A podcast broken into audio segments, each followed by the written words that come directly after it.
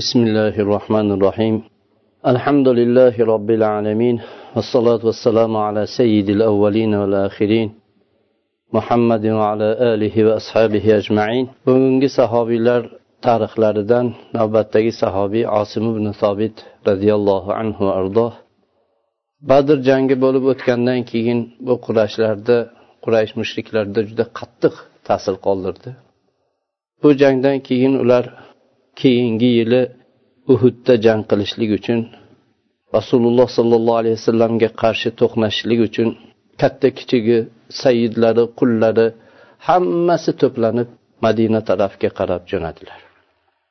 Ularni butun qalblariga gina adovat to'lib toshgan badrda o'lganlariga butun qonlarida g'azab alangalangan suratda madinaga qarab jo'nadilar. Lekin buni o'zi kifoya qilmadi. Ular o'zlari bilan birga o'zlarini shu nasablik xotinlari nozanin kelinchaklari hammasini birga olib chiqdilar qurashni ayollaridan.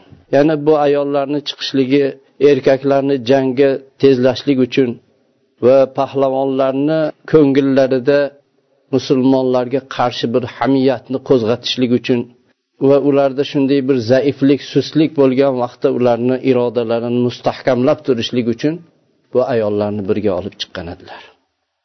Ayollar bilan birga chiqqanlar ichida butun makka askarlarining hammasini boshlig'i bo'lgan abu sufyonni ayoli hind binti utba bor edi.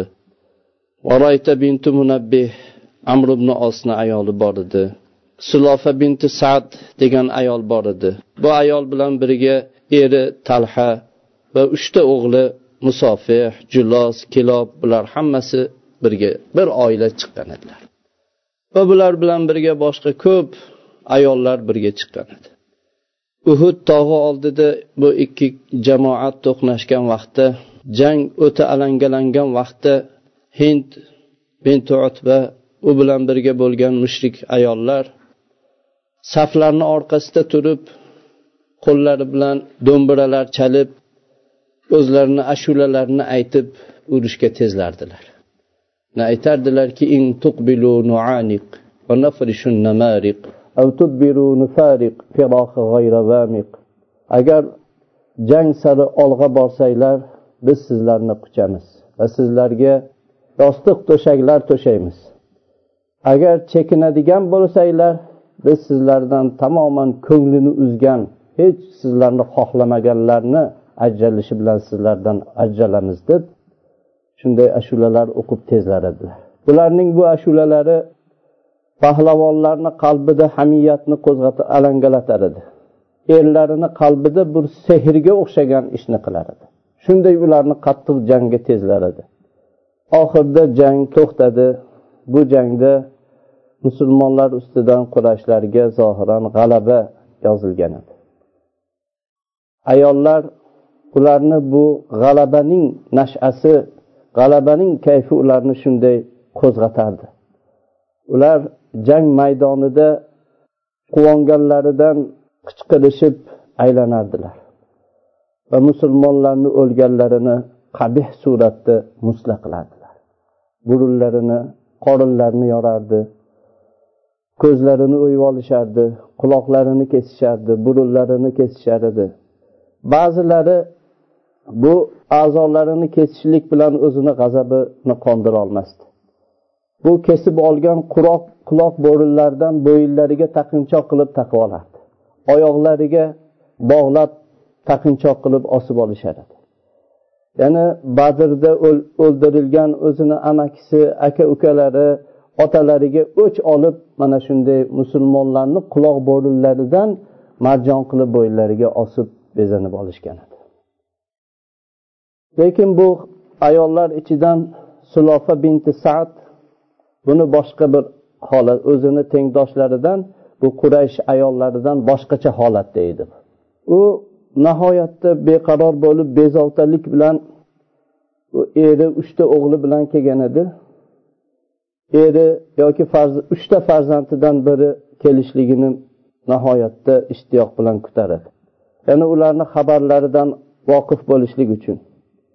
Keyin bulardan xotirjam bo'lgandan keyin bu boshqa ayollarni kayfu safosiga qo'shilib bu g'alabaning quvonchida sherik bo'lishlik uchun shu kutar lekin buni kutishi behuda uzoq davom etdi. Shunda u jang maydoniga kirib ketdi. O'lganlarni yuzlariga sinchiklab qaray boshladi. U qo'qqisdan o'zini erini qoniga bo'yalib o'lib yotgan holatda topdi. Bu shu dahshatga tushgan urg'och sher kabi seskandi. Keyin har tarafga ko'z yugurtirdi bolalarni qidirardi. Musofih kilob julos shu farzandlarni izlar edi uhud yonbag'irlarida tog'ning pastida farzandlarni hammasini cho'zilib yotgan holatda topdi. Musofih kilob degan o'g'illari ular tamom hayotdan ko'z yumgan edi. Ammo julosni bir o'g'lini shu oxirgi nafaslari holatida jon chiqar vaqtida topdi. Bu ayol o'g'liga shunday tashlandi. O'g'li shu o'lim talvasasini boshdan kechiradi boshini ko'ksiga bosdi. Bu ayolni ko'zida ko'z yosh bu musibatni dahshatidan ko'z yoshlari qotib qolgan edi. O'g'lini peshonasidan og'zidan qonlarini artdi va o'g'liga qarab ey o'g'lim seni kim o'ldirdi? deb so'rar edi. O'g'li ham javob berishlikka harakat qildi lekin o'lim talvasasi uni gapirishdan man qilar edi. Onasi bu savolini qattiq turib qayta qayta savol bergandan keyin meni osim ibn sobit yiqitdi akam musofehni ham yiqitdi Э, deb yana davom ettirmoqchi edi. Shu bilan oxirgi nafaslari chiqdi jon berdi shunda sulofa binti sad bu ayol tamom es hushini yo'qotdi. U qichqirar edi ho'ngrar edi. O'zini lotu uzzolari xudolariga qasam ichdi.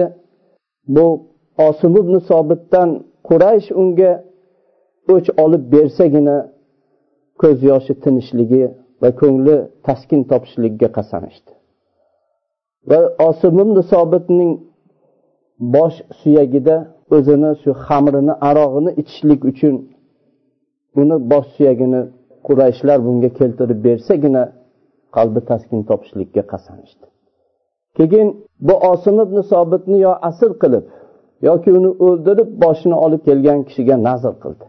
Xohlagan qimmatbaho mol dunyolarni berishlikni nazr qildi. Buning bu ataganining xabari qurashlar ichida yoyildi.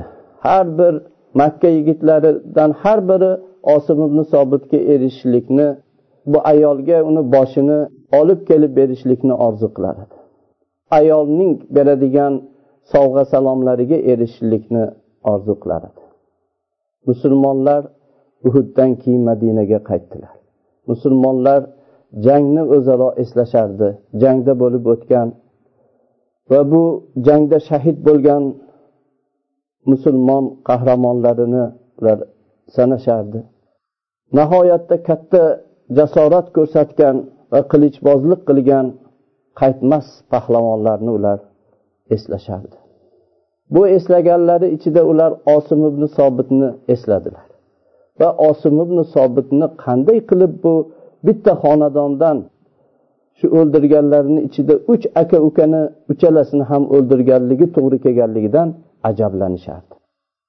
Shunda ulardan biri aytardiki buni nima qizig'i bor?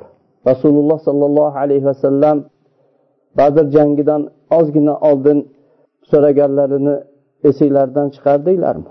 Qanday jang qilasizlar deganda osim ibn sobit turib aytdilarki kamonini qo'llariga olib aytdilar agar qavm bizdan yuz ziro ya'ni yuz metr uzoqda bo'lsa ular bilan shu kamon bilan otishib jang qilamiz dedilar. Agar yana yaqinlashib kelsalar nayza otsak yetadigan masofada bo'lsa nayza otishib jang qilamiz. Agar nayzalar ham jamlanib yaqinlashib qolsalar unda qilichimizni olamizda qilich bilan jang qilamiz dedilar. Rasululloh sollallohu alayhi vasallam jang mana shunday bo'ladi. Kim jang qilishni xohlasa osim ibn sobit jang qilganga o'xshash jang qilsin dedilar. Degan edilar deb ya'ni u kishini bu bunday jangda jasoratini ulug'ligi haqida shunday xabar berdi. Uhud jangidan ko'p vaqt o'tmadi. Rasululloh sollallohu alayhi vasallam ulug' sahobalardan oltitalarini chaqirdilar. Yana bir qo'shinni jo'natishlik uchun. Ularga osim ibn sobitni boshliq qildilar.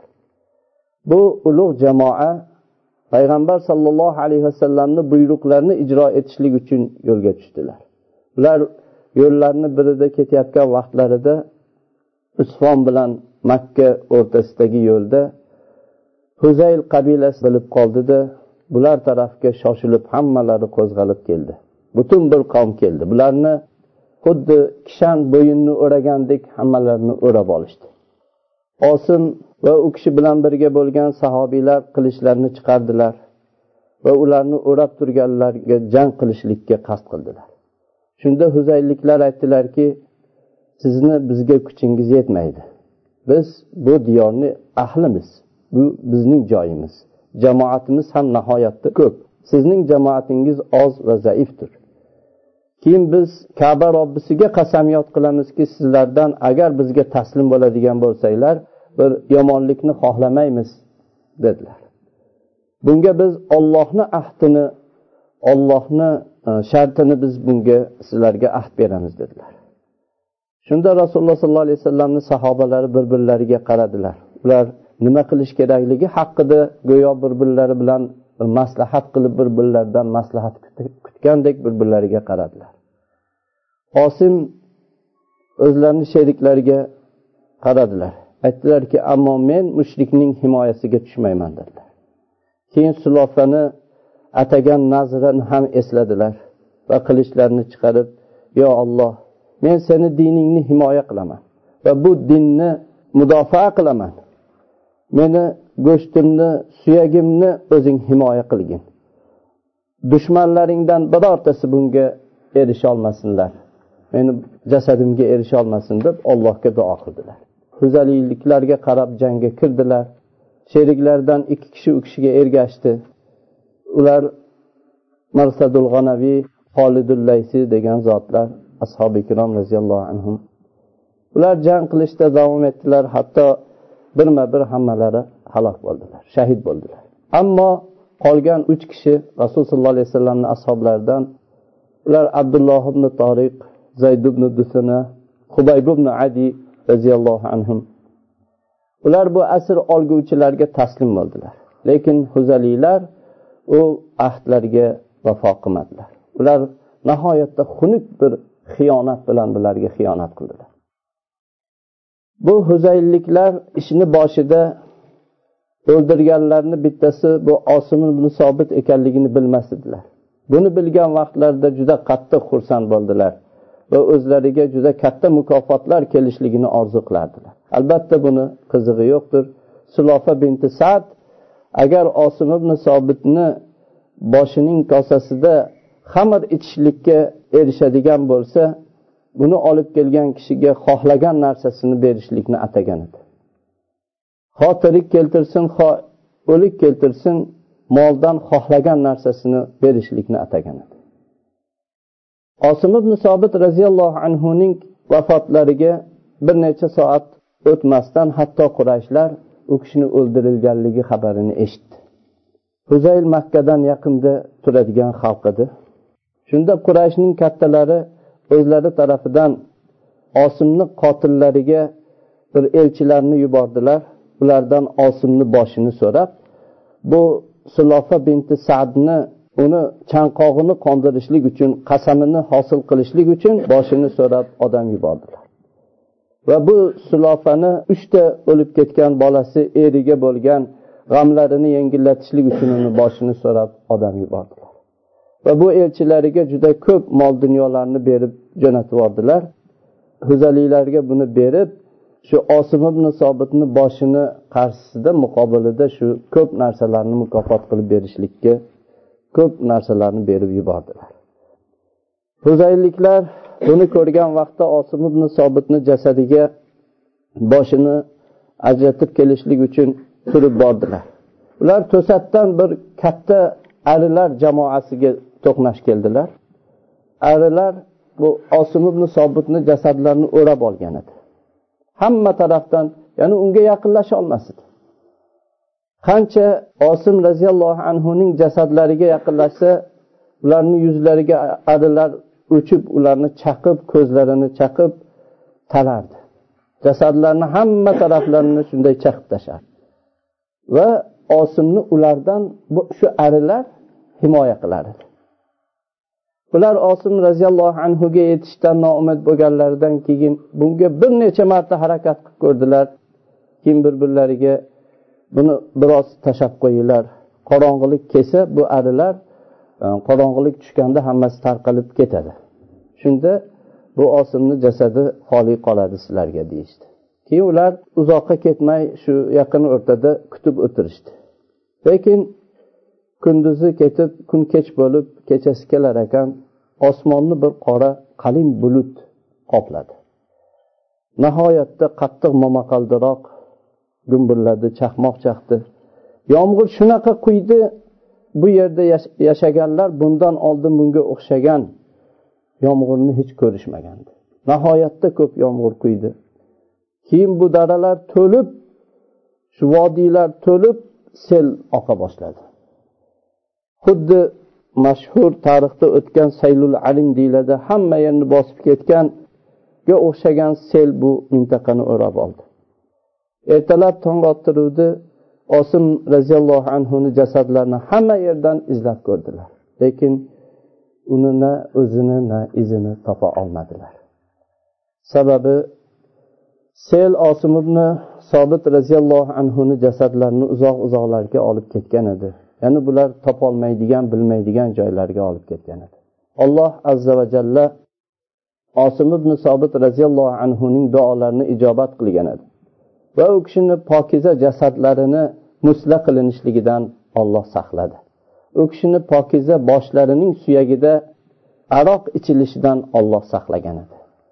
Mushriklarga alloh taolo mo'minlar ustida hech qanday e, yo'lni qilmadi. Alloh taolo u kishini ana shunday saqladi. Alloh rozi bo'lsin alloh rozi qilsin va o'zini keng jannatlarida alloh ko'p mukofotlar bilan alloh taolo mukofotlasin. Mana shunday zot edilar.